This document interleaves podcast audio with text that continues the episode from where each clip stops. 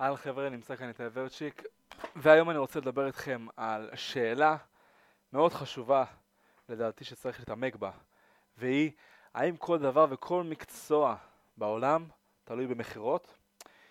לדעתי התשובה היא חד משמעית כן, כי עובד שיודע מכירות יכול להתקדם בעבודה, והוא גם מפתח יכולות מקצועיות חשובות. הוא משפיע לטובה על ביצועי החברה, הוא יכול לקדם את האהדה כלפיו ולפתח את כישורי המנהיגות שלו. היום כל דבר תלוי במכירות, וככל שתקדימו ללמוד מכירות, תוכלו להתקדם בכל תחומי החיים. זה ידרוש מכם פחות זמן לימוד תואר לצורך העניין, אולם כדי להפוך את זה לדרך חיים דרוש מעט זמן, וכמובן שהזמן הכי טוב להתחיל הוא היום. באילו מקצועות או עבודות אתם חושבים שצריך ללמוד מכירות? אם הייתי אומר לכם למנות את מגוון המקצועות או העבודות שאתם חושבים שצריך ללמוד עבורם מכירות, באילו מקצועות הייתם בוחרים? סביר להניח שבמקצועות כמו טלמרקטינג, מכירות אה, באיזושהי חברה או שיווק, נדל"ן, שיווק ופרסום באינטרנט וזהו, פחות או יותר, נכון? מה אם אפתיע אתכם ואומר לכם שבכל מקצוע צריך ללמוד מכירות? מה דעתכם על מקצועות אחרים כמו שירות לקוחות, הייטק, רפואה אפילו, שדרן ספורט, מורה בבית ספר או אפילו סטנדאפיסט? כל אלו לא זקוקים לידע במכירות? בואו נמנה אותם אחד אחד. לדוגמה, שירות לקוחות. אדם העובד בשירות לקוחות מדבר עם אנשים במשך שעות ארוכות כל יום. מתן שירות ללקוחות טלפוני מצריך מאותו עובד להקשיב לבעיות של הלקוחות שלו ולנסות לספק את הפתרונות הטובים ביותר עבור הלקוח והחברה והוא גם צריך לשמור על הלקוח מרוצה מבלי לעבור על חוקי החברה. עובד בשירות לקוחות בכל דקה של השיחה עוסק במכירות בכל דבר ועניין. הרי שבעולם זה לא חוכמה רק לשווק ללקוח את המוצר, אלא גם לספק לו תמיכה ושירות כזה שהוא יעריך ולהעניק לו ערך שהוא ירגיש ולתת לו להבין שאתם איתו לאורך כל הדרך. אותו אדם פשוט שעובד בשירות לקוחות צריך לדעת למכור לו את התחושות האלה בשירות שהוא מספק.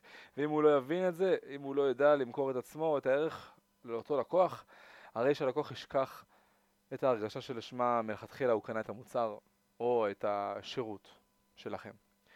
בהייטק לצורך העניין, מן הסתם כל יזם או עובד בהייטק צריך לדעת לשווק את עצמו בשביל להתקדם, להתקבל לעבודה. בין אם מדובר בעובד שצריך לספק תשובות לבעלים, או אם מדובר ביזם שמחפש מימון מהמשקיעים למיזם שלו. ברפואה לצורך העניין, אחות שמטפלת בלקוחות חסרי סבלנות צריכה כל הזמן למכור להם תשובות שימרחו זמן, אה, ייתנו מענה ויפחיתו את הסבלנות של המטופלים או בני המשפחותיהם, בני המשפחה שלהם. הרופא צריך למכור למטופל את הצורך בטיפול מסוים או תרופות או רופא מנתח צריך להרגיע את המטופל לפני הכניסה לניתוח. זה גם סוג של מכירה. גם שדרן ספורט מוכר לנו התלהבות, תשוקה ועניין. מורה בבית הספר, מורה או מורה, מוכרים לתלמידים כל הזמן על החשיבות של הלימודים ובטח של המקצוע שלהם הם לומדים, או גם צורך, צורך העניין סטדאפיסט, אם עכשיו בן אדם שרוצה להצחיק את הקהל, בעצם ההגשה של הבדיחות שלו לקהל, הוא מוכר את עצמו ואת מה שהוא יכול להציע. אם הוא יהיה נלהב, מצחיק ואטרקטיבי, הוא יכול לקבל עוד עבודה ועוד יזמין אותו להופעות וכמובן הוא יצחיק עוד הרבה אנשים בעוד מקומות. במציאות שלנו היום לצורך העניין אפשר להיעזר גם באינטרנט כדי להתקדם גם בת... לטלוויזיה ומעבר לזה. אז לסיכום, כל דבר וכל מקצוע ובכל מקום נפגש עם עולם המכירות. בין אם אנו רוצים להמליץ על סרט לבני משפחה שלנו או לגרום לילדים שלנו לעשות איזשהו משהו שאנחנו רוצים, שישמור עליהם לטובתם או לטובתנו, ולהמליץ על מסעדה לחברים שלנו למוכר מוצר או שירות אה, מסוים של העסק שלנו, אם אנחנו מוכרים עכשיו משהו של העסק, או העסק שאנחנו עובדים בו בשביל בעלים, בשביל הבוס, ועוד הרבה הרבה וכאלו. אז מה שאני ממליץ לכם זה בעצם קריאת ספר במכירות שתעניק לכם את הידע מעל הממוצע אל תוך העולם הזה של המכירות.